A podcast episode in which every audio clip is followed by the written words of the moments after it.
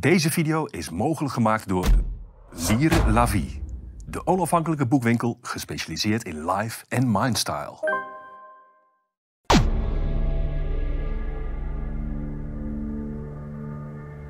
Mijn naam is Paul Cliteur en ik ben hier voor Café Weltschmerz in gesprek met Reisa Blommestein. Uh, welkom Reisa. En wij gaan spreken over haar boek Het Spook van Weimar, een democratie in crisis. Althans, dat was het aanvankelijke voornemen. Uh, Ja. En dat gaan we ook nog steeds doen, uh, wat mij betreft. Maar uh, Raisa, er is heel, wat, heel wat gebeurd de afgelopen twee weken rond dit boek. Rond jouw persoon, rond jouw bijdrage aan het, aan het publieke debat. Ja. En dat vind ik eigenlijk wel aardig om dat ook, om dat ook te bespreken. Er is een, een, een, een Twitter-uitwisseling met hoogleraar staatsrecht Wim Voermans van de Universiteit van Leiden. En die, uh, nou, dat, uh, dat is niet mis wat hij allemaal over jou, jou, jou, zegt. Hij heeft het over een schandvlek voor de universiteit. Hij beweert ook dat je ontslagen bent, wat manifest onjuist is, voor zover ik kan vaststellen. En um, ja, dat doet ook een beetje de vraag reizen: is niet alleen de democratie in crisis, maar is ook de universiteit in crisis? En uh, nou, daar zou ik graag met je over willen, over willen praten. Maar uh, de jongste ontwikkelingen zijn, uh, heb ik begrepen, dat er een, een Kamervragen over deze kwestie zijn ge gesteld door Harm Beertema van de PVV. Ja. En die heeft ook in zijn tweede termijn heeft hij een motie ingediend met een voorstel voor een ombudsman om de academische vrijheid te, te beschermen. Ja. Nou, ik, ik stel voor dat we even eerst naar uh, die bijdrage van Beertema gaan kijken. Die is op zichzelf een goede um, introductie. Daar even over praten. En dan als tweede naar een tweede uh, stukje met Beertema te gaan kijken over, die, over die, dat voorstel voor die, die, uh, die ombudsman. Is dat een goede aftrap? Lijkt me een goed idee. Oké, okay. ja. nou dan gaan we eerst even kijken naar Beertema. De ideologische monocultuur op de universiteiten is de grootste bedreiging voor de academische vrijheid. Universiteiten gaan prat op diversiteit en inclusie ten aanzien van alles en iedereen, behalve als het gaat om meningen. Alles wat afwijkt van het heersende linkse narratief wordt dissident verklaard door hoogleraren en docenten in machtsposities die geen enkele tegenspraak dulden. The science is settled, is dan het adagium. Voorzitter, the science was settled in 1949 toen meneer Antonio Egas Moniz de Nobelprijs ontving voor de ontdekking van het therapeutisch effect van de barbaarse lobotomie, die het leven kostte van talloze psychiatrische patiënten. Tegenspraak, voorzitter. Het vrije debat, het vrije woord zijn essentieel voor wetenschap. Hoe kan het dan, vraag ik de minister, dat aan de Leidse Universiteit dat zogenaamde Presidium Libertatis het bolwerk van vrijheid, een hetsige karaktermoord wordt gepleegd op een jonge dokter, een jonge vrouw die het waagt af te wijken van het gemonopoliseerde grote gelijk door een hoogleraar die dit over haar zegt. Een schandvlek voor onze universiteit. We slagen er helaas nog lang niet altijd in mensen waar we zo hard voor werken te beschaven. Waar een docent over een collega die met emeritaat gaat zegt. Wel blij, citaat, wel blij dat het hele circus van Cliteur met zijn emeritaat in volle ontbinding is. Een schande voor de wetenschap. Voorzitter, hier is geen sprake meer van een cultuur van vrijheid. Dit is je reinste intimidatie naar deze jonge dokter en naar alle jonge promovendi in de uh, toekomst van de Leidse Universiteit. Ik wil graag een appreciatie van de minister op deze onwaardige heksenjacht van deze twee medewerkers van de Leidse Universiteit. En ik overweeg nog een motie in mijn uh, tweede termijn. Dank u wel, voorzitter. Tot zover. Dank u zeer. Dan is het woord aan de heer De Hoop van de Partij van de Arbeid. Die, uh, die meneer De Hoop, daar gaan we verder niet meer naar luisteren. Maar uh, wij gaan doorpraten over dat, over dat, dat fragment van, van Beertema. En het lijkt het mij interessant om ook een beetje te proberen, althans kritisch naar onszelf te kijken. Hè. Wat, wat, wat gaat er hier nou mis als er iets is misgegaan? Uh, in, hoe, in hoeverre is dat uh, onvermijdelijk dat dat zo gaat? Um, hoe moeten we het waarderen? Wat verwachten we van de universiteit? Dat zijn eigenlijk allemaal vragen die hier worden opgeroepen. Ja. Um, Bertema verwijst naar die, die, die tweet van um, professor Voermans, hoogleraar staatsrecht. En daar zitten twee dingen in. Dat je een schandvlek zou zijn voor de Universiteit van Leiden. Om welke reden dat precies het geval is, dat, dat blijft eigenlijk Nou, omdat ik een, een racist zou zijn. Dus er is een Mhm. uitzending geweest van uh, Omroep Ongehoord Nederland, ja. Ongehoord Nieuws. En daar uh, heb ik een relatie gelegd tussen massamigratie en de onteigening van boeren. Omdat ja. massamigratie ertoe leidt dat de bevolking uh, is toegenomen. Mm -hmm. nou, al die mensen moeten worden gehuisvest. Dus ja, wat gaat er gebeuren op dat land? Dat wordt onteigend van die boeren. Daar worden huizen opgebouwd. Toen is er een fragment gedeeld uit die uitzending van 21 seconden. En dat fragment, waarin dus die redenatie die ik net uiteenzet naar voren komt, uh, daaruit zou blijken dat ik een racist zou zijn. En mm -hmm. dat is de aanleiding van dus deze uitingen van uh, Wim Voermans, maar ook van Mico Floor, die ook nog van alles te zeggen heeft, onder andere ook over jou, over het circus Cliteur in volle ja. opbinding. Dat komt uit ja. zijn. Uh, ja, ik, ik, ben de circusdirecteur en jij bent een van de wilde beesten die in dat circus uh, ja. ja. figureert. Ja. ja, en ja, jij hebt mij niet kunnen beschaven, want dat zijn nee. natuurlijk ook nog uh, de woorden nee. van Voermans. Nee, of Voermans heeft jou niet kunnen beschaven. Dat is misschien ook een, een bepaalde uh, opdracht die hij zichzelf heeft toegedacht. Oké, okay. goed, dat is het eerste. Maar, dus dat is het eerste. En het tweede is dat hij, dat hij, dat is misschien ook van belang dat we dat ook even vaststellen. hij, maakt een, hij, hij zegt ook dat jij ontslagen zou zijn. Terwijl dat toch niet het geval is. Ik ben jouw uh, voormalig leidinggevende uh, aan, de, aan de Universiteit van Leiden. Als jij ontslagen zou zijn, dan zou ik dat, dat, dat moeten weten. En ik zie ja. niet in hoe je dat... Het is ook pertinent onwaar. Hè? Dus ik ja. ben niet ontslagen. Ik heb mm. hem ook een aantal keer daarop gewezen. Ook uh, gedurende okay. dat, uh, dat Twitter-relletje. Mm. Of uh, dat ik zei van ja, dit is, dit is pure laster. Ik ben niet ontslagen. Dus ja. hou op met het verspreiden van deze leugens. Mm. daarin volhardde hij. Dus hij heeft een keer of zes heeft hij nog herhaald dat ik ontslagen zou zijn. En ik heb vanochtend ook aangifte gedaan van, van die laster. Door hem ja, dus je, hebt, dus je hebt bij, het openbaar bij de politie, en dat gaat naar het Openbaar Ministerie, is een klachtdelict. Dus er is een, eigenlijk een strafprocedure, uh, vraag je aan uh, richting uh, Voermans. Ja.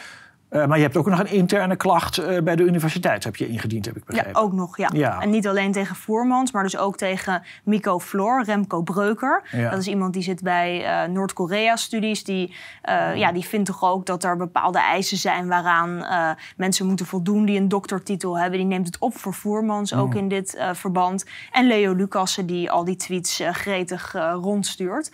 Dus ik heb ja, alle vier deze mensen eigenlijk aangegeven bij dat, Ja. bij dat klachtpunt. En ik ben benieuwd wat daarmee gaat gebeuren. Ja. Maar er gaat een hele hoop tijd gaat daar overheen natuurlijk. Voordat er überhaupt iets gaat gebeuren. Voordat het eh, de Openbaar Ministerie gaat besluiten tot seponeren of eventueel vervolgen. Daar gaat een tijd overheen. Ja. En zo'n um, uh, interne integriteitsprocedure gaat ook een tijd overheen. Misschien wel de hele vakantie overheen. Mm. Uh, maar ondertussen is het toch eigenlijk zo, en dat lijkt mij eerlijk gezegd nogal uh, penibel.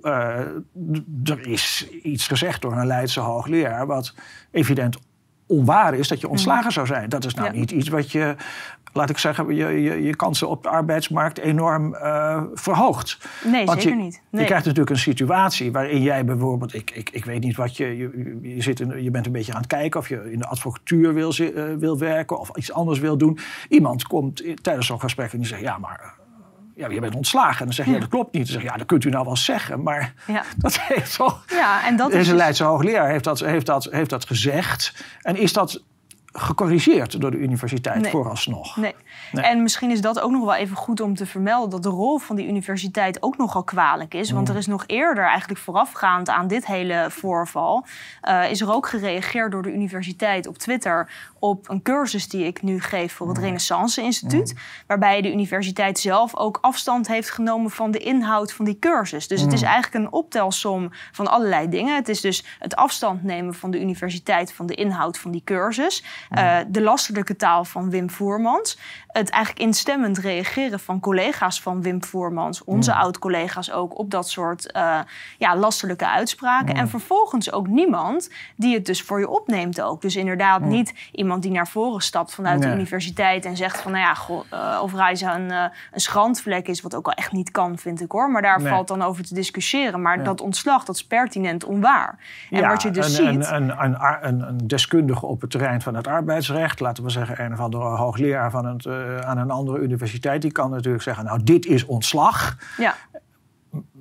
En, dat is, en alles wat Voermans daarover aanvoert, dat is het duidelijk niet. Want hij voert, begrijp ik, aan dat uh, jij uh, zou zijn gepromoveerd. Dat, dat, is ook zo gedurende de mm. coronaperiode. Mm. Je, hebt een, je had een arbeidscontract voor een bepaalde termijn, vier jaar. Op een gegeven moment is dat beëindigd. Maar jij had dan verlenging kunnen vragen als je dat had gewild. En uit het feit dat je die verlenging niet hebt gevraagd. Ja, hij, daar, daar construeert hij een ontslag in. Zoiets. Terwijl uiteindelijk het ook helemaal niet in vragen zou zijn geweest voor mij om die verlenging aan te vragen. Want het proefschrift, nou ja, dat weet jij net zo goed eh, als ik, als mijn voormalig leidinggevende, was in oktober van 2021 al af.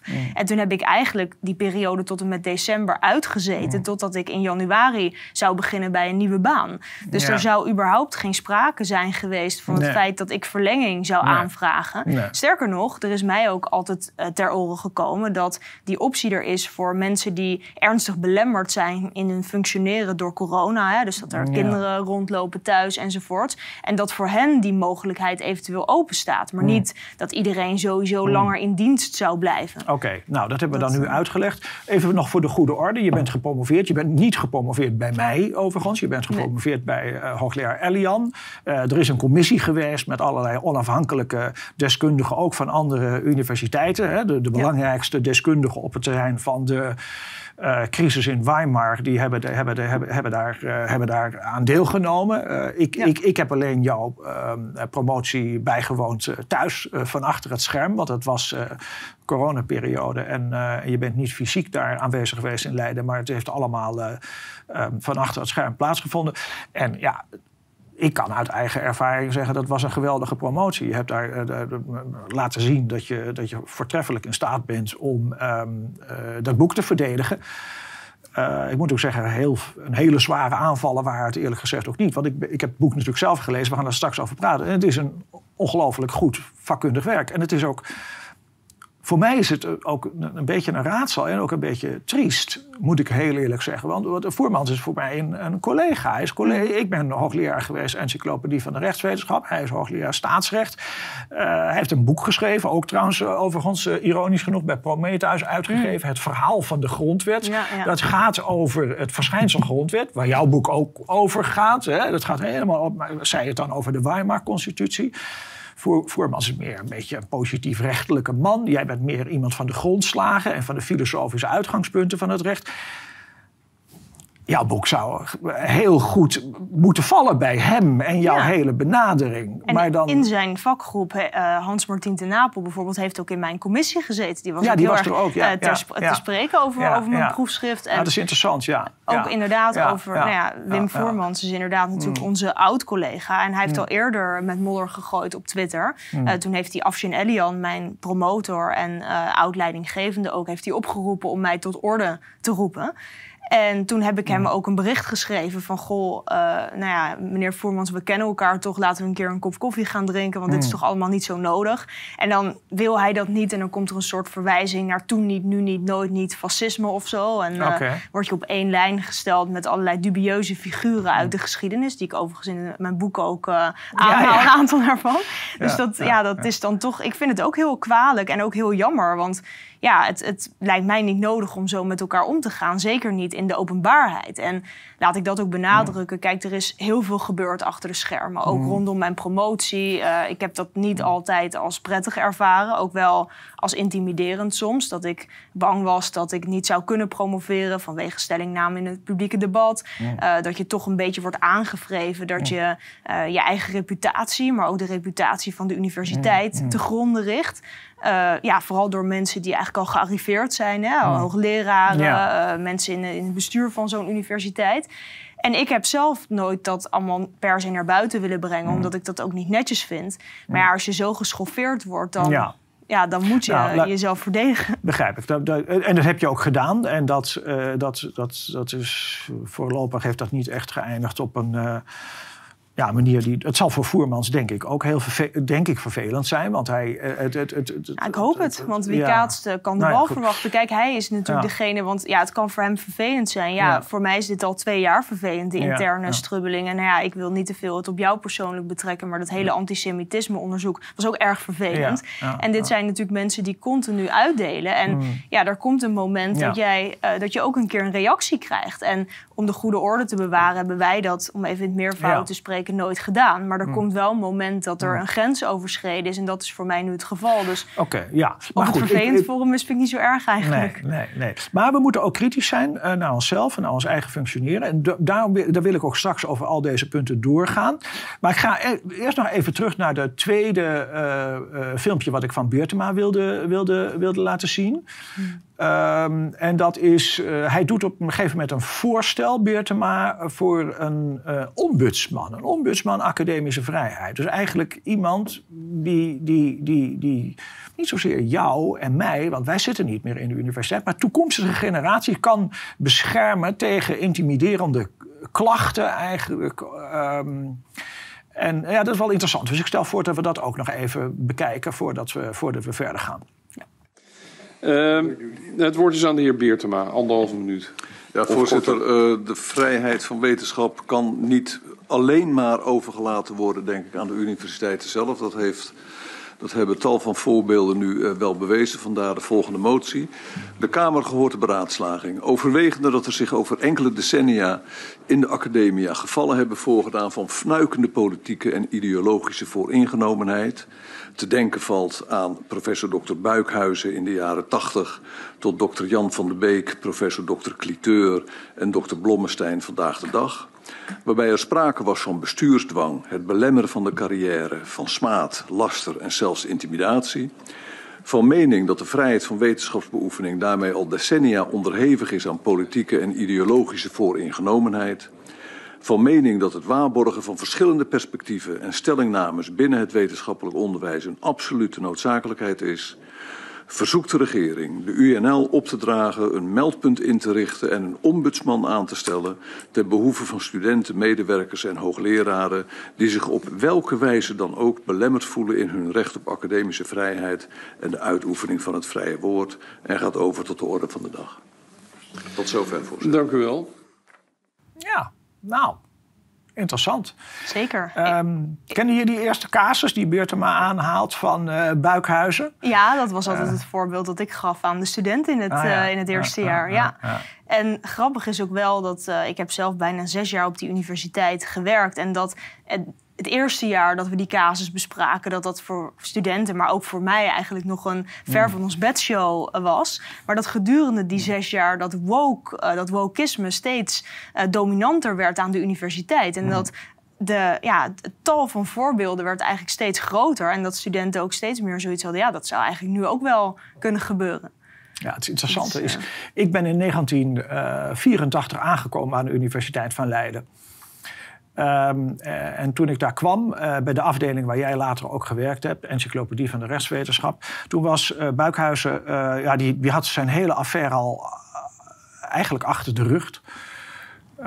Buikhuizen was, is, hij leeft nog steeds, criminoloog. En hij um, hij deed iets wat in die criminologie een beetje ongebruikelijk was. Hij, hij theoretiseerde ook over de oorzaken van een uh, crimineel gedrag. En hij uh, dacht die te kunnen vinden in bepaalde biosociale factoren bij de crimineel of de eventueel de, potentiële crimineel. En daar wilde hij onderzoek naar gaan doen. En dat haalde een hele hoop naar, uh, naar boven. Uh, onder andere bij Vrij Nederland. Uh, Piet Grijs toen, dat was toen een beetje de... Nou ja, we zouden nu zeggen een woke-activist. maar dat was een woke-activist avant. Die ging iedere week ging die stukjes schrijven tegen die buikhuizen... en het fascistische, nazistische, xenofobe en verschrikkelijke van die man. Uh, en van dat onderzoek. En uh, er werden rookbommen uh, gegooid bij, de, bij, bij um, de, de, oratie van Buikhuizen. De brievenbus werd dichtgesmeerd met uitwerpselen van honden. En nou, de honden lusten er werkelijk geen, bro geen, geen brood van wat er allemaal met die man is gebeurd. maar het interessante is, ehm, hij kreeg ook weinig steun vanuit de universiteit toen. En uiteindelijk, uh, zijn vrouw zat uh, in de antiekhandel, is, is, is hij weggegaan van de universiteit.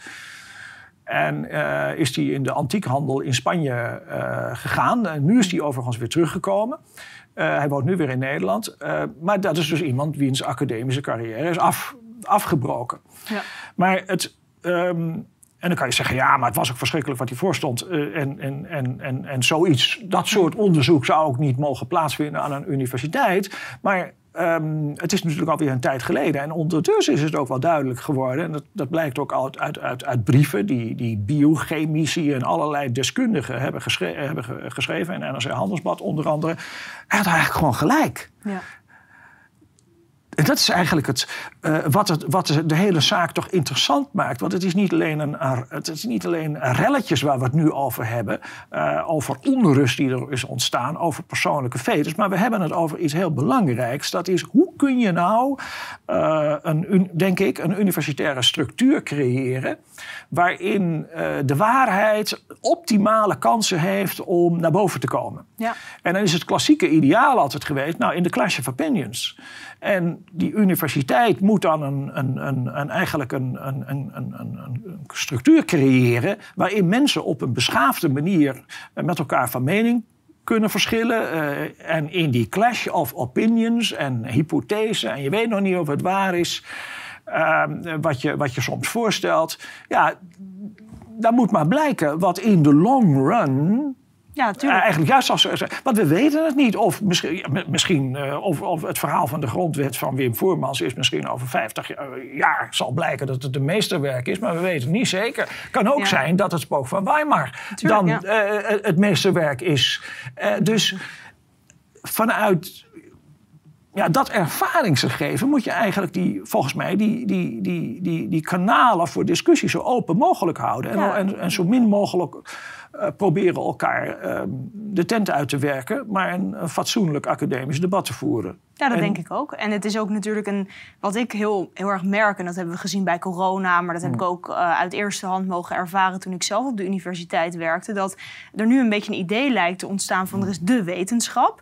En we moeten vertrouwen op de wetenschap. Dat is bijna een soort ideologie, een geloof.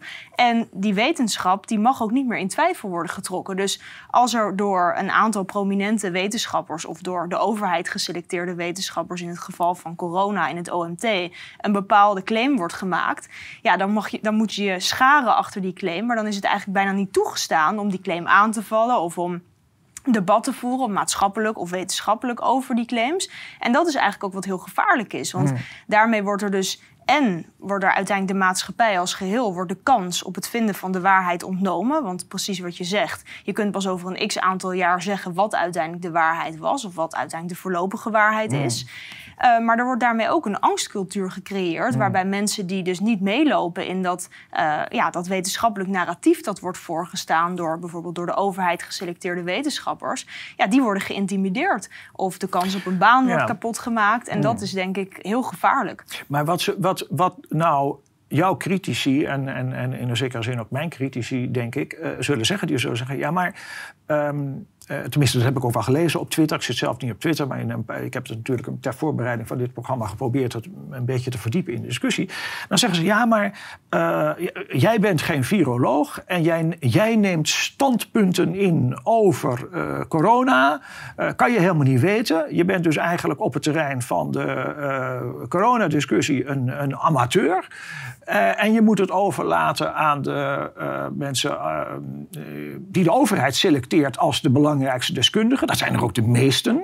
Nou, dat is ook niet helemaal waar. Het zijn een aantal geselecteerd, maar er zijn heel veel deskundigen op, in binnen- en buitenland die het niet eens zijn met die wetenschappers die door de overheid geselecteerd zijn. Overigens zijn het niet alleen andere wetenschappers die het daarmee oneens zijn, maar continu is ook gebleken dat uh, deze wetenschappers door de overheid geselecteerd het bij het verkeerde eind hadden. Ik bedoel, je hoeft geen viroloog te zijn om gewoon vast te stellen dat het nemen van een coronavaccin herbesmetting niet voorkomt en het nemen van een corona coronavaccin ook transmissie van de een op de andere persoon niet voorkomt. Wat deze mensen door de overheid geselecteerd wel hebben beweerd. En wat overigens ook nooit weerlegd is door de overheid op grote schaal. Dus daar hoef je in principe geen viroloog voor te zijn. Dus dat ten eerste. Ten tweede heb ik altijd in dat coronadebat en nog steeds de uh, zaak verdedigd van grondrechten. En dat is, dat vinden deze mensen misschien niet zo leuk om te horen, maar dat is wel mijn expertise als je daarvan zou mogen spreken. Democratie, grondrechten, vrijheid van meningsuiting.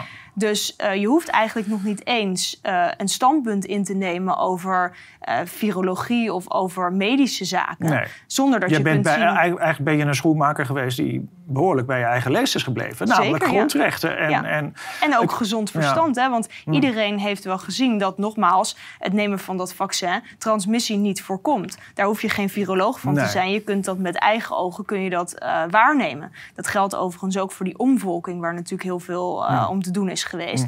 Als jij je ogen opent, zie je de omvolking op straat.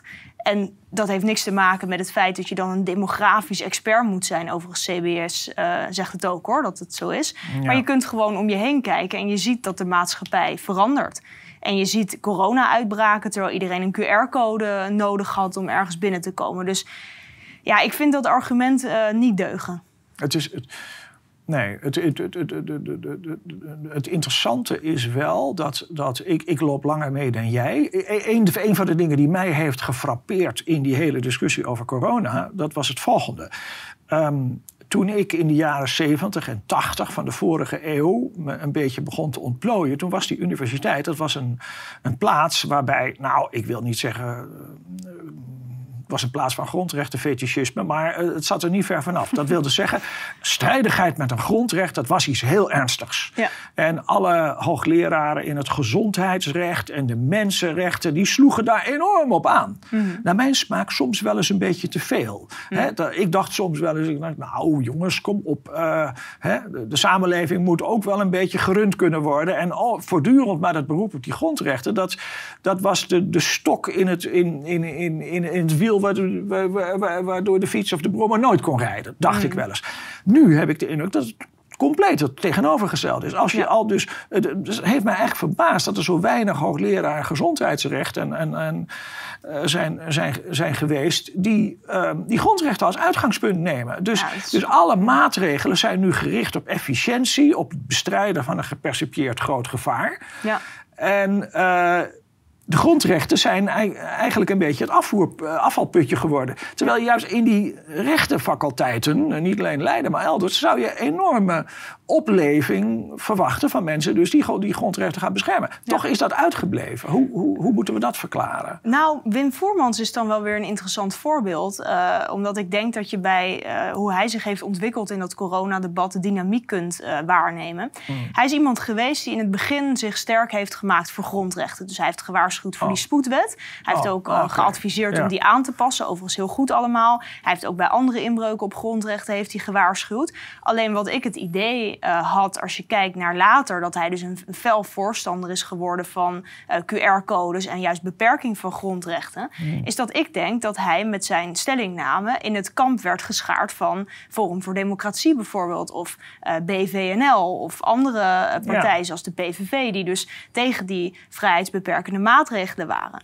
En volgens mij is hij daar enorm van geschrokken. En toen eh, ja, heeft hij zijn toon gematigd. Ik weet niet of het zo is hoor. Zou het hem eigenlijk eens moeten vragen... als hij toch nog open zou staan voor een uh, gesprek. Als hij dat zichzelf ook realiseert. Want Nou, vaak eh, zijn die processen nou, natuurlijk een beetje onbewust. Hij heeft toen ook wel uh, publiekelijk ook afstand genomen van FVD bijvoorbeeld. Ja, dat doet iedereen. Ja, dus hij heeft dus kennelijk is het zo dat, en dat, daar zie je weer die politieke beïnvloeding van wetenschap, dat als jij een bepaald standpunt inneemt op basis van jouw expertise, in zijn geval de grondwet, in eigenlijk ons geval natuurlijk ook hè, grondrechten, dan word je dus in een bepaald politiek kamp uh, geschaard. En voor veel mensen is dat dermate uh, eng en Ja. oeh, dan, daar schrikken ze van en dan willen ze Hmm. toch nog wel eens Ja. hun standpunt aanpassen. Overigens, Dat, dat is overigens ook eng. Uh, ik, ik, ik ken dat uit eigen. Nou, omdat het heel vervelend is om um, uh, die, die, die woke-ideologie en het woke-activisme is in een zekere zin heel uh, effectief. Hmm. Hè? Ja, je, je, mensen willen allemaal fatsoenlijk gevonden worden, aardig gevonden worden. Ze willen toch een beetje bij de groep blijven behoren. De, de, de groep van de eigen familie, de, de, de groep van de eigen gemeenschap in, mm. in, het, in, in, in het werk. En als jij dan ineens zegt, ja, uh, ja, sorry, ik heb er toch een beetje een andere opvatting over. En um, eigenlijk kloppen de opvattingen over de massamigratie van de PVV kloppen wel. Dan verstijft de hele omgeving om je heen. Ja. En dan zeggen ze, oh, jij hoort er niet meer bij. Dus je wordt eruit gegooid. En dat is zwaar, dat is vervelend.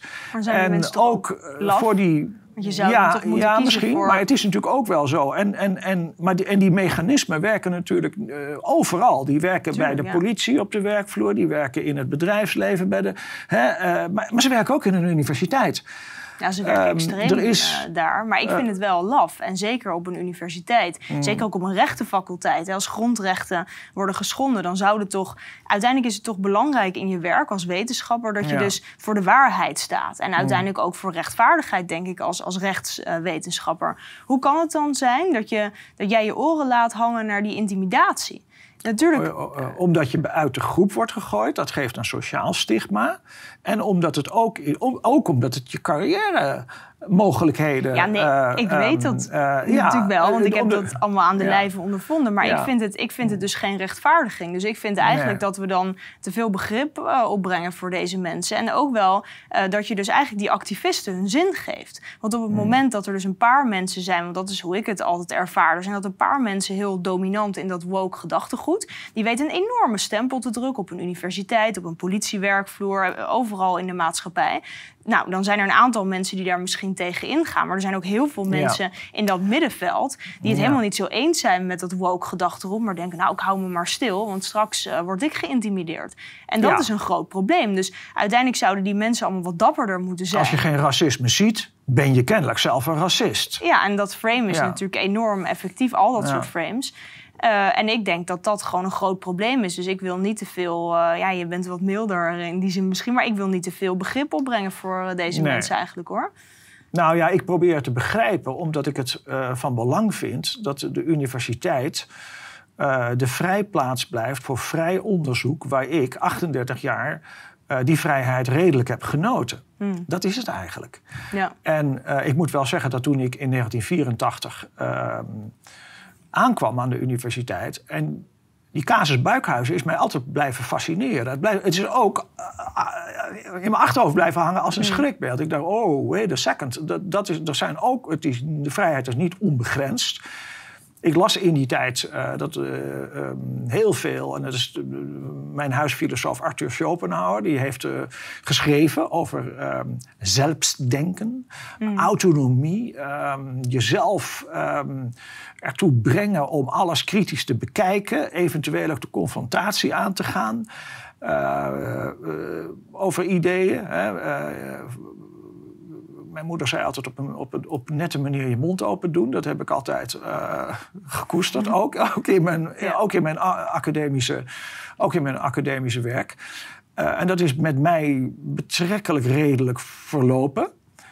Um, ik denk alleen wel dat dat misschien ook was in een tijd toen de politieke tegenstellingen niet zo groot waren. Mm. En de mm. dreiging van een werkelijke uh, politiek machtsblok op de re rechterzijde van het politieke uh, spectrum niet zo, niet zo dreigend waren. Hmm. Dat wil dus zeggen, ik, ik ben eigenlijk voor het grootste gedeelte ja, een beetje een, een, ja, een ach, een lieve, lieve hmm. gezellige, uh, klets, ongevaarlijke kletskous hmm. geweest. Die, die zich met allerlei dingetjes bezighield. Maar op het moment dat er ook partijen zijn die groot worden. Uh, als PVV, FVD, uh, Ja 21 of BVNL, dan, dan wordt het ineens minder gezellig ook. En ja. hoewel ik dus ik zei dan altijd van ja, uh, aan de universiteit diversiteit en uh, inclusie. Ja, ik, volgens mij ken ik maar één hoogleraar die aan FVD gelieerd is in niet alleen aan de Universiteit van Leiden, maar in heel Nederland. Is dat het maximum van diversiteit wat, wat we aan kunnen aan de universiteit? Of moet het nog kleiner? Nou, eigenlijk kleiner. Want eigenlijk ja. moet je ook... Want er is zelfs een heel... dat oh, mag helemaal niemand. Ja, want er is zelfs een hele commissie nog ingesteld... om, ja. uh, om natuurlijk uh, ja, die beschuldigingen van antisemitisme aan jouw adres ook te onderzoeken. En ik heb toch wel het vermoeden dat dat uh, te maken heeft alleen maar met het feit dat Forum voor Democratie natuurlijk een impopulaire partij is. Ja. Op het moment, uh, er zit bijvoorbeeld in Rotterdam een hoogleraar en die schrijft mee aan het verkiezingsprogramma van Bijeen. Dat zou ik typeren als een extreem linkse politieke partij. Ja.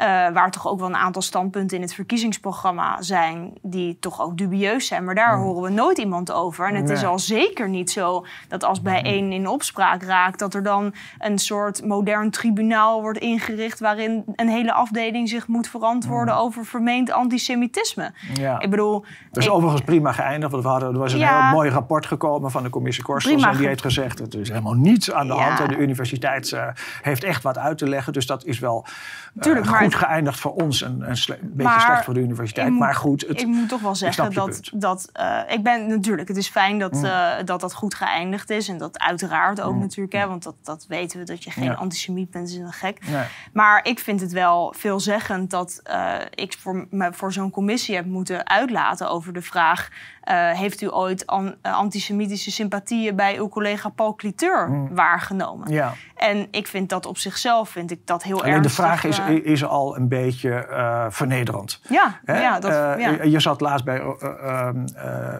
Robram, hoe heet die? Sashi. Sashi, ja. En, en die zei, ik vond het heel leuk, die zei, nou even voor de goede orde, ben je een racist? Dat was eigenlijk, ja, Ja, zei, weet je nou, hetzelfde, nee. ja, ja. Maar dat, het, ehm, Ja, het feit dat je zo'n vraag überhaupt moet beantwoorden. Want dat zijn Ja. allemaal dingen, dat, dat vind ik ook altijd wel grappig. Dat lijkt ook zo'n soort sfeer soms gecreëerd te worden... dat van al het onrecht in de wereld dat je dan afstand moet nemen. Dus ik ben tegen moord, ik ben tegen verkrachting... ik ben tegen antisemitisme. ik ben geen eh, pedofiel, tegen- ik, ben, ik ben geen seksist, ik ben geen xenofoob. Ja. Nee, nee. Ja, ja, moet je allemaal even netjes Moet je even afwerken. allemaal Ja. langs vinken.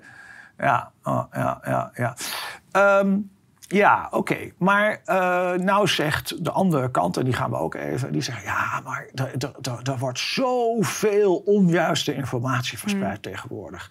En die onjuiste informatie die er verspreid wordt... die wordt ook bewust... ehm, eh, wordt die verspreid, want die mensen die dat doen, die hebben eigenlijk een hele ehm, eh, duistere agenda. En ja, gelukkig krijgen die in de mainstream media ook geen enkele kans om hun gezicht te laten zien. Dus die zie je nooit eigenlijk bij de kwaliteitsmedia, Mm. nooit bij eh, het fatsoenlijk deel van de NPO. Dan sluit ik ongehoord Nederland even uit.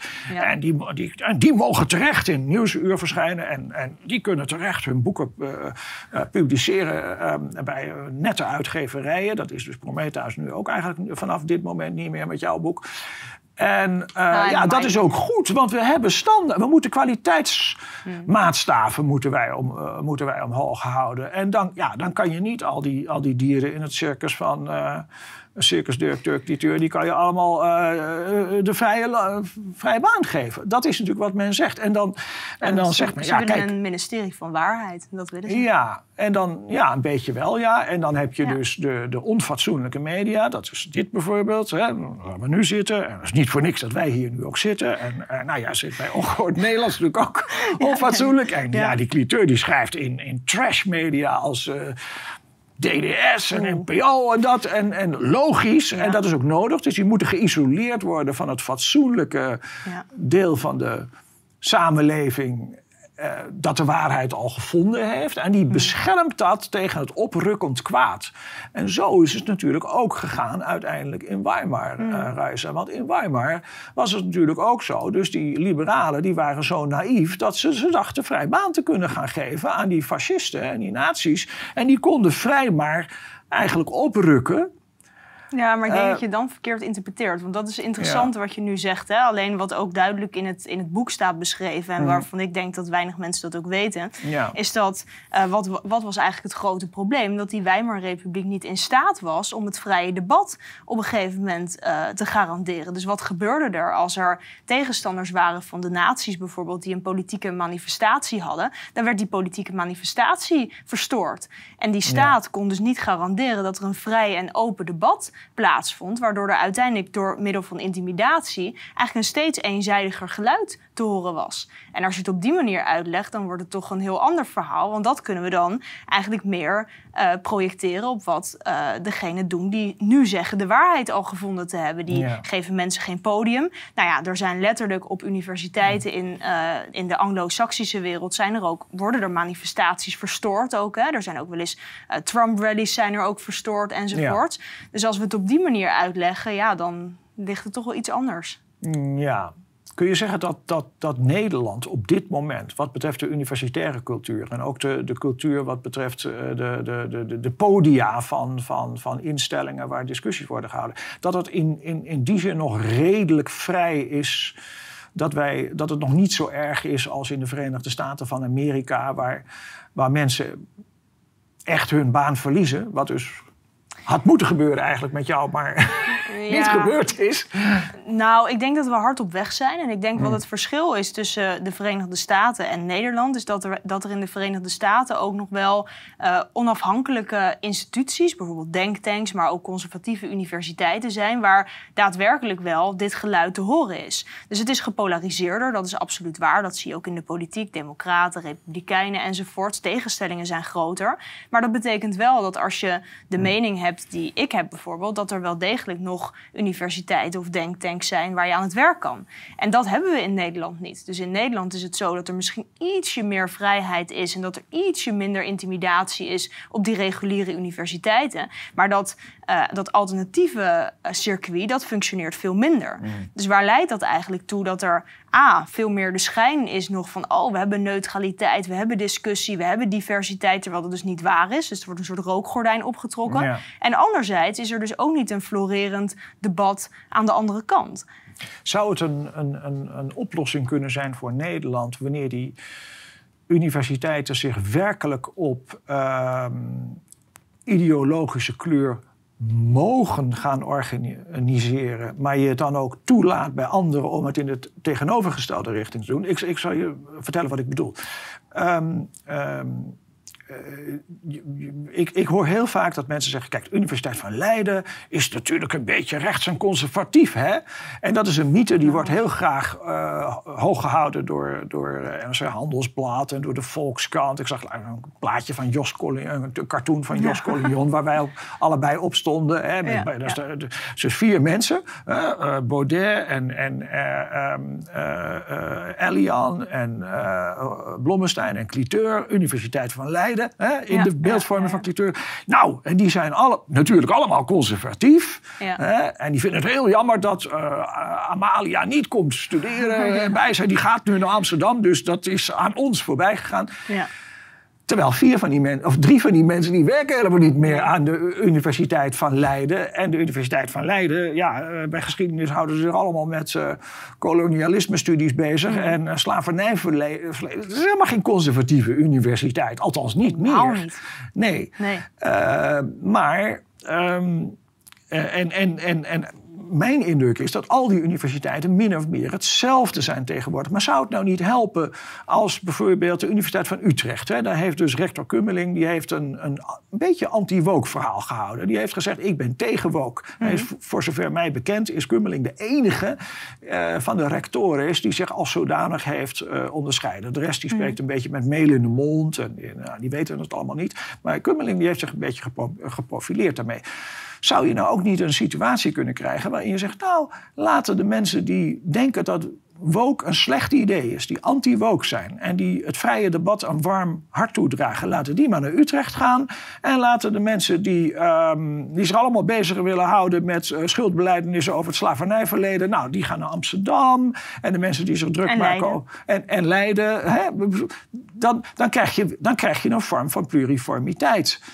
En dan, je moet eigenlijk niet van elke instelling verwachten dat die precies hetzelfde aanbiedt als een andere instelling. Dan krijg je dus op, in een macro-perspectief krijg je dan echte pluriformiteit. Zou dat een oplossing kunnen zijn? Nou, ik vind dat wel een soort second best oplossing. Dus ik zou wel uiteindelijk, dat schrijf ik ook in het voorwoord van uh, dit boek. Kijk, uiteindelijk is het natuurlijk zo dat als je van die bubbels krijgt, waar inderdaad aan de ene kant wordt dit geluid verkondigd, aan de andere kant wordt dat geluid verkondigd, maar er is nooit een discussie tussen eigenlijk beide kanten van het verhaal, dan is dat denk ik voor studenten schadelijk. Omdat studenten natuurlijk beide perspectieven, of misschien een veelkleurigheid aan perspectieven, moeten horen en zelf hun mening uh, moeten kunnen vormen. Dus je moet studenten leren hoe die mening te vormen, niet welke mening uh, er is. Dus dat is één. Maar ook voor de maatschappij is dat denk ik schadelijk, omdat je daarmee steeds meer polarisatie en verdeeldheid krijgt en framing over en weer. Dus natuurlijk zou het nu goed zijn als er even tijdelijk dan een één universiteit is, Utrecht bijvoorbeeld, waar dan. Een soort oase. ja, dat, dat zou dan voor de time being een goed idee kunnen zijn. Maar ik denk wel dat het beter is als er uiteindelijk binnen al die universiteiten werkelijke diversiteit van opinies wordt voorgestaan. En dan mag het ook best uh, clashen, vind ik ook hoor. Dus. Um, toen met corona bijvoorbeeld heb ik ook wel eens uh, voorgesteld... nou, laten we dan een debat organiseren met studenten erbij. En uh, ja. Nou, ja, dan mag het echt wel flink knetteren. Ja. En dan zou het leuk zijn als je dus door degene die een andere mening heeft... niet als schandvlek uh, of onbeschaafd nee, iemand nee, wordt nee, weggezet... maar dat je gezellig een drankje kunt drinken en met elkaar door één deur kan. Maar dat lijkt heel ver weg. Overigens nu. is dat, vind ik, in mijn ehm, academische loopbaan... vrij aardig gelukt bij ons, in onze afdeling en ook bij onze master-encyclopedie en filosofie uh, van het recht, die jij ook gevolgd hebt. Um, uh, in die zin dat ik heb altijd geprobeerd om uh, alle heikele thema's te bespreken in de, in, in, in, in de collegesetting. Hè? Op ja. een aardige manier. Daarbij ook, uh, als je een beetje doorduurt, wil ik zelf ook wel zeggen hoe ik erover denk. Um, ik ik kijk de essays na van de studenten en, en met name ook de studenten die helemaal diametraal tegen mijn opvatting ingaan. Ja, die kunnen ook een 8 of een 9 krijgen. Ik had het dan voornamelijk uh, met uh, christelijke studenten. Nou, ik ben een notoren atheïst. Maar een, uh, christelijke, christelijke studenten die, die, die, die mij voorrekenen dat ik de Bijbel helemaal verkeerd interpreteer. Ik vond dat juist leuk. Ja. En ik heb het gevoel dat het in die, in die microsetting wel heel goed ging. Ja, geen, Alleen in de perceptie. En tot een tijdje geleden. Ik heb ook wel, uh, ik, ik heb wel het idee dat uh, toen ik me dus echt prominent ging uitspreken in het publieke debat. Mm. En ook vooral na dus dat antisemitisme-onderzoek, dat is mm. afgekondigd naar jou, dat dat wel steeds minder is geworden, helaas. Ja. Dus ik heb dat ook tijdens mijn studietijd ook zo ervaren. Ook in mm. de eerste jaren dat ik op de universiteit werkte. Hoewel er altijd wel veel framing was voor Paul, met alle respect. Maar er werd over jou ook niet altijd even best gesproken in de, in de wandelgang. Maar goed, okay, hoort er dan een beetje bij. Maar ik denk dat dat uiteindelijk onder invloed van Black Lives Matter en dus woke dat echt enorm door die universiteit is gaan waaien, dat dat wel echt verminderd is. Kunnen, ja. kunnen, zouden we kunnen Helaas. zeggen dat, dat um, misschien toch ook het, dat het succes van woke is de, um, de angst die er is bij de bestuurders. Um, om op de een of andere manier van politiek incorrect door te gaan. Jazeker. Nou, niet voor politiek incorrect, maar voor uh, racist, seksist. Ja. Dat is het. Dus het is niet politiek incorrect. Nee, deze mensen zijn hmm. bang om, als zij stelling nemen tegen bijvoorbeeld het decoloniseren van het curriculum, ja. dat zij uh, publiekelijk bekend komen te staan als een racist. Dat ja. is het. Dus het is niet dat ze uh, politiek niet incorrect willen zijn. Ik denk dat dat, dat, dat zwak is uitgedrukt. Ze zijn gewoon bang om aan de schandpaal genageld te worden. En in die zin heeft woke eigenlijk iedereen in zijn greep. Want het zijn een aantal mensen die extreem woke zijn. Heel veel andere mensen durven niks meer te zeggen. En mensen die er tegen ingaan worden geïntimideerd of zelfs ontslagen. Dus ja, woke dan, is ontzettend dan, succesvol. Dat snap ik. Maar, dat, ja. maar dan betekent dat toch dat we ook... Tenminste, ik, ik vind dat zelf dat ik dat wel moet, moet doen. We moeten ook adviseren aan die uh, bestuurders, de rectoren is en de decanen en, en, en andere mensen die op bestuurlijke posities zitten in, een universiteit, en dat zijn eigenlijk ook wel de hoogleraren, om um, ja, toch misschien een beetje die logica van woke te doorzien en ze um, voor te houden dat ze zich daar weerbaarder tegenover kunnen opstellen. Ik, ik, ik, ga nu een voorbeeld geven om dat een beetje duidelijk te maken. Hè. Dat de uh, uh, decaan van onze voormalige uh, faculteit, Johanna van der Leun, die zit ook op Twitter. Ja. en die heeft zich impliciet een beetje, denk ik, uitgelaten over, de, over, over, over, over jouw kwestie. En zeker ook, in zin ook een beetje mijn kwestie. Um, en dan doet zij iets wat ik heel interessant vind en waar ik even met je over wil doorpraten. Er is een zekere Jochempie, die op 23 juni, een jochempie, Ja. die dus is een nickname of een, of een fake account. En die, Ja. en die zegt, nou, maar hoe is het nou toch mogelijk om binnen de rechtenfaculteit een clubje te krijgen die er rare slash nare denkbeelden op nahouden? Wat dit clubje, geen namen, want anders laster, doet, deed, kan niet op onze universiteit. Daar moet je als decaan bovenop zitten. Ja, ja. En dan zie je dat de decaan eh, niet zegt... eh, nou ja, Jochem Pie, wie ben jij om te vertellen wat ik moet doen? Eh, ga je eerst maar eens netjes voorstellen wie jij bent. Ja. Nee, hè, ehm, eh, ze, neemt dat kennelijk serieus. En ze zegt, ja, maar... En, en ze gaat dan antwoorden... dit tolereer ik als decaan niet. Eh, en dan zegt ze... eh, ehm, ik, ik veroordeel elke vorm van racisme, racistische uitingen en andere vormen van uitsluiting. Kijk, hier gebeurt iets interessants. Dan, dan gaat dus de decaan in op een volkomen anonieme figuur... die maar wat beweert, namelijk dat er allemaal rare en nare clubjes... binnen de rechtenfaculteit zich bevinden. Ze zegt niet, eh, die bevinden zich er hier helemaal niet. Maar ze geeft in feite toch een beetje toe aan dat woke-activisme. En Ja. dat, dat wil ik nou helemaal haar niet... want ik, ik heb verder helemaal geen eh, negatieve gevoelens... ten opzichte van onze decaan. Dus ik wil het ook echt in, in, in openheid en bespreken... hoe je met dit soort dingen om moet gaan. Maar mijn advies aan, aan, aan, eh, aan decanen zou zijn... Ga daar niet op in. Doe dit niet. nee. Eh, het, is, ehm, het, het, lijkt, het lijkt alsof je heel ehm, eh, democratisch en open bent door je overal je over te willen verantwoorden. Maar in feite geef je die mensen gelijk. Want die hebben, krijgen, op deze manier krijgen ze een. Krijgen ze dus een, een voet tussen de deur. En, en het eindigt ermee dat, eh, dat ook de hoogleraren zich niet meer veilig gaan voelen. En ze gaan zich uit, aansluiten bij woke-activisten. eh, eh, waardoor de hele. het- Ja, dan krijg je toch een neerwaartse spiraal een beetje van, eh, van de vrijheid. Zoals je dat ook in Weimar hebt gezien. Ja, zeker. Hè, maar dan een beetje te beginnen bij, bij de universitaire cultuur. Ja, ik denk twee dingen. Ik denk enerzijds dat er bij veel bestuurders toch ook wel ongemak is over dingen die worden gezegd waar zij het zelf niet mee eens zijn. Dus ik proef in deze reactie van Johanne van der Leun toch ook wel eh, dat zij toch ook wel wat problemen heeft met misschien uitspraken die zijn gedaan door jou of door mij. Of in ieder geval binnen dat nare clubje. Dat is wat ik er een beetje uithaal. Eh, dat is ook overigens wel mijn ervaring met veel mensen binnen die universiteit. Want die zijn allemaal toch keurig links. Dus die worden een beetje ongemakkelijk van dingen die worden gezegd. Dus dat is één. Ja. Eh, twee is dat ze ook vaak zelf weinig ervaring hebben met social media. Kijk, als we kijken naar hoeveel reacties ik krijg per tweet, dat zijn er gemiddeld zo'n 400.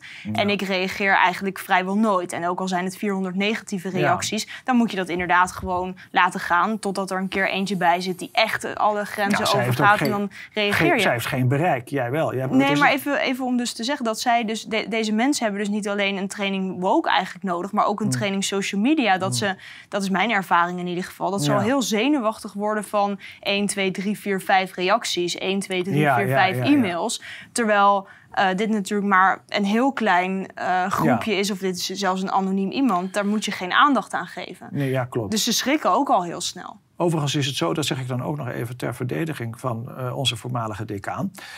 Eh, in deze tweet van 23 juni zegt ze: Ik sta pal voor sociale veiligheid van iedereen. En met modder gooien op Twitter lost niks op. Laten we het fatsoenlijk houden met elkaar. Ja, maar ik lees daar een impliciete afwijzing van Voermans in. Nou ja, dat Nee? kan. Nee, dat, dat, zo lees ik dat niet. Eh, ze kan dat ook bedoelen dat ze vindt dat ik met modder heb gegooid. Dus ze- en, Ja, en ik nie- werk daar niet meer. Dus neem dan. Ja, neem dan stelling. Dus zeg gewoon. Mm. als jij echt staat voor sociale veiligheid van iedereen die verbonden is of was aan de Universiteit Leiden, dan zou je, zeker als je Mm. een regenboogvlag hebt wapperen voor je faculteit, zou je tegen het seksisme, misogynie, eh, intimiderende opmerkingen van Wim Voermans, zou je stelling moeten nemen. Dan zou je moeten zeggen, dit is een jonge vrouw, zoals Harm Beertema het ook zei, die wordt hier geïntimideerd door een gearriveerde collega, misschien zelfs al gemansplained, om even in, het, eh, Ja. in, dat, eh, die, in dat, zeg maar, dat, eh, dat vocabulaire van deze mensen Mm. te blijven. Dus ik vind dat, nee, ik lees dat niet zo. Ik lees het als, ja, iedereen heeft een beetje met modder gegooid. Terwijl... Nee, waar begint dat nu? Iemand wordt uit het niets aangevallen. De meest bizarre, eh lastelijke uitspraken Mm. worden gedaan. Daar zou het om moeten gaan. Overigens, d- ehm, er zo over pratend hoor. En ik, nogmaals, ik doe dat allemaal uh, beproevende wijze. En, en, en, en, mensen moeten me maar corrigeren wanneer ik verkeerd uh, zie. Maar um, ik denk dat als ik bestuurder zou zijn van een universiteit, bijvoorbeeld de Universiteit van Leiden, zou ik in ieder, ik zou in ieder geval inspringen op de ontslagclaim. Ja. Waarom? Dat is wel het minste. Uh, ja, maar daar even mee beginnen. Ik, bedoel, ik begrijp dat je als bestuurder zegt, nou oké, okay, um, deze, in deze gedachtenwisseling tussen, op, op Twitter tussen uh, twee um, uh, staatsrechtsgeleerden, want dat ben je in een zekere zin ook. Um, uh, dat laten we even voor wat het is. Maar één telefoontje naar de afdeling personeelszaken. Uh, hoe was het dienstverband met mevrouw Blommestein geëindigd? Nou, nou gewoon contract volgemaakt, klaar, gepromoveerd, er niks meer mis. Niet ontslagen? Nee, niet ontslagen. Dan moet je als universiteit misschien een bericht doen uitgaan. Uh, wat er ook zij verder van de hele discussie. Maar uh, mevrouw ja. Blommestein is niet ontslagen. Dat is namelijk een feitelijkheid. Op het moment dus dat, dat je dat laat hangen... met het woord discussie. Dan, want dit, is, dit gaat niet om een discussie. Dit is een persoonlijke aanval. Ik bedoel, ik ben het hier natuurlijk mee eens hoor. Mm. Dit zou het minste zijn wat ze moeten doen. Maar ja. uh, alsof het iemand uitmaken uit het niets... terwijl je helemaal niet betrokken bent bij een bepaald maatschappelijk debat... zelf voor schandvlek en mislukking... en dat iemand onbeschaafd is... of dat een beschavingsproces mislukt is. Mm. Ja, sorry Paul, maar ik kan dat echt niet zien als een discussie. Het zou Nee. iets anders zijn geweest als hij mij op de inhoud had aangevallen... en Mm. had gezegd van... eh, ja, nou ja, misschien die claims over dat eh, land wordt gebruikt voor eh, immigrantenwoningen. Nou ja, prima, dan wordt er een discussie gevoerd. Ja. Ook even om het op jou te betrekken. Het, het circus cliteur in volle ontbinding. Ja, ik zie dat niet als een discussie, Paul. Ja, sorry. Ik, ja, ik vind het woord ik vind discussie... het wel een, vind ik een mooie nieuwe status, eh, nou ja. Maar goed, ik... eh, Nee, maar het is, het Ja, is een ja. beetje. Het is, dan, dan. Dan, dan ridiculiseren we het wel, of dan maken we het veel ja, kleiner. Ja, ja, ja, Terwijl het toch echt wel gaat om, om gewoon grove persoonlijke aanvallen. En Ja. dat, daar hoort stelling tegen genomen te worden. En natuurlijk moet er dan ook worden gezegd... nee, Reis is niet ontslagen. Hoewel ik me overigens nog afvraag of ze dat mogen... op grond van eh, AVG-beleid. Eh, overigens, Wim Voermans, even stel, hè, even, om het nog wel even wat pikanter te maken. Stel dat ik wel ontslagen zou zijn, Ja. wat dus niet zo is, hè, maar stel dat het zo zou zijn. Dan nog heeft hij niet op basis van de wet de mogelijkheid om dat op het internet te, te zetten. Want dat Nee. is personeelsbeleid en dat is eh, gewoon afgeschermd. Dat Ja. zou nogal wat zijn als je allerlei eh akkefietjes die intern hebben gespeeld... of dat mensen ontslagen zouden zijn, dat je dat allemaal zomaar naar buiten kunt brengen. Ja, nou, ik, ik moet je ook heel eerlijk zeggen. Ik, ik, ik, ik, zelf, zelf, ik heb zelf al, ik zie het ook een beetje. Ik vind het ook een beetje eerlijk gezegd een aanval eh, op onze afdeling, eh, keurige afdeling encyclopedie van de rechtswetenschap. Dat een collega gaat zeggen: ja, die persoon is ontslagen die helemaal niet ontslagen is. Stel je nou eens voor dat ik het oneens zou zijn in jouw, eh, in jouw promotiecommissie is Hans Martien ten Napel. Die werkt bij de afdeling staats, st- eh, staatsrecht. Dat is de afdeling van, van Voermans. Ja. Stel nou dat ik het een beetje oneens ben met Hans Martien ten Napel. En dat ik als onderdeel van de discussie vrolijk ga zeggen: Hans Martien ten Napel is ontslagen. Ja, terecht Dan, dan, ontslagen. dan is ja, terecht ontslagen. Nou ja, dan is toch, neem ik aan, Voermans ook een beetje verbolgen. Zeg je, ja, Paul, wat doe je nou? Ja. Hè, nou, eh, Ja. toch? Ja. Nou, Als we, Ja. ja, nou ja, goed. Ehm, goed, nog, ik, ik, wil, ik wil ook nog even naar je boek. Ehm, tenzij er nog iets is wat ik, wat ik, wat ik nu heb eh, laten liggen. Ik, ik, ik, ik wil een beetje het, het, het, het, het, het onderdeel over de discussie eh, nu afsluiten. Ehm, overigens wel met de, ehm, nou, ik weet niet, toch het gevoel dat ik, ik heb het gevoel dat ik een beetje moet verzekeren dat het niet een kwestie is van een ordinaire ruzie die, tussen mensen die maar wat modder naar elkaar aan het, aan, aan het gooien zijn. Maar het gaat natuurlijk ook wel over de essentie van wat wetenschap moet zijn en hoe je het wetenschappelijk bedrijf moet, moet organiseren. Met, met eh, niet academische vrijheid als een soort van narcistisch recht om maar de gekste dingen de samenleving in te slingeren, maar academische vrijheid als iets wat je nodig hebt om de optimale voorwaarden te creëren voor waarheidsvinding. Zoals John Milton zegt, let truth and falsehood grapple. Laat die waarheid en die leugen met, met elkaar strijden. En, en, en zet, die, zet die universiteit maar vol met contraire gezichtspunten. En denk niet te snel dat de wetenschap een bepaalde eh, officieel gecanoniseerde waarheid heeft. Want ja, dan krijg je toestanden als eh, Galileo met de katholieke kerk of. eh, of Wouter Buikhuizen met het eh heersend narratief eh, in de criminologie van eh, dat moment. Maar goed, ehm, tweede druk al. Tweede druk, ja. Wow, Ja. gefeliciteerd. Dank je, ja. ja dus dat is wel geweldig, Maar dat want is het, is wel leuk, een, ja. het is wel een, het is een stevige pil van, van, van bij- bijna Maar meer dan 400 pagina's. meer, meer dan 400 pagina's. Ik, Ja. eh, ik heb het zelf met eh, heel veel genoegen gelezen, omdat het ook. ehm, Kijk, het mooie van het boek vind ik dat, dat enerzijds, je geeft een hele uitvoerige methodologische verantwoording van waarom je het doet, allemaal zoals je het doet. Eh, dat heeft ook veel indruk gemaakt op de, op de promotiecommissie. Dat kon ik heel duidelijk merken tijdens de verdediging van, eh, van je boek. En alle, ja, toch belangrijke rechtsfilosofen van, van het moment, eh Kelsen, eh Sment, eh, Carl Schmid, komen langstrekken. En dat allemaal tegen die achtergrond, die, die donkere wolk van dat oprukkende nazisme. Hè? Ja. En dan is jouw vraag.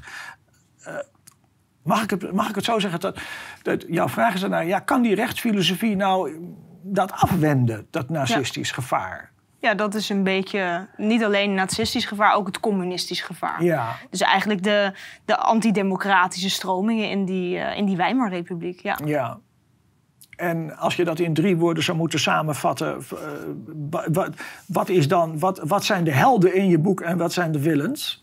Nou ja, het is dus eigenlijk om het antwoord op die vraag dus te geven, is het heel korte antwoord is nee. Maar dat heeft voornamelijk te maken met de historische context waarin die Weimarrepubliek toch ook eh, wordt gevestigd. Het is de eerste democratische republiek in Duitsland. Eh, Dus er is in zekere zin nog geen grondwettelijke of democratische traditie.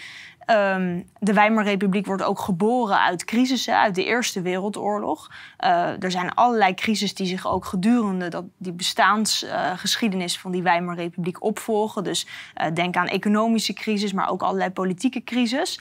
Dus binnen eh, die crisissituatie is het heel lastig voor die demografische, democratische cultuur om te wortelen. Maar dat betekent niet dat er niet een aantal eh, toch hoopvolle eh, tendensen zijn binnen die Weimarrepubliek, maar die ook hoopvol zouden kunnen zijn voor andere democratieën. En dat zijn die ideeën voorgestaan door zowel Rudolf Sment als Herman Heller, die eigenlijk zeggen dat democratie niet iets is wat je dicteert op een samenleving van goh, we hebben hier een grondwet en dat gaat wel functioneren of zo. Ja. Een beetje dat neocon-idee. Maar dat er eigenlijk vanaf onderop een soort democratische traditie zich moet vormen, een democratische cultuur, die voornamelijk tot stand komt door participatie van burgers binnen die statelijke instituties. En ook door symbolen waar de burger zich vertegenwoordigd doorziet. Dus bijvoorbeeld zoiets als een vlag eh, of eh, nationale feestdagen enzovoort. Dus dat is eigenlijk heel Eh, in het kort. eh, Ja, en als we dat nou eens proberen om, om eventuele lessen die er te trekken zijn hieruit naar deze tijd te trekken. Hè? Indachtig de beroemde woorden van George Santayana... dat als je de, de geschiedenis niet kent... dat je dan bent voorbeschikt om die geschiedenis te herhalen. Ehm, eh, vrij even gezegd. Maar ehm, zou je nou ook kunnen zeggen dat als je dit toepast op het medialandschap... jij bent actief ehm, eh, betrokken bij Ongehoord eh, Nederland de afgelopen keer. Ik ben er zelf ook een paar keer geweest. Ik vond het eerlijk gezegd ontzettend leuk.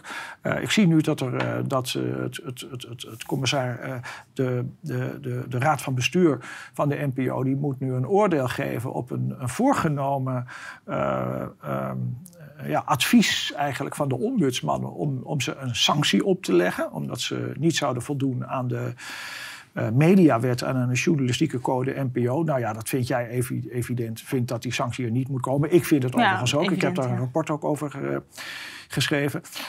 Ehm, maar eh, wat, wat vind je nou van mijn interpretatie zoals ik die nu ga geven?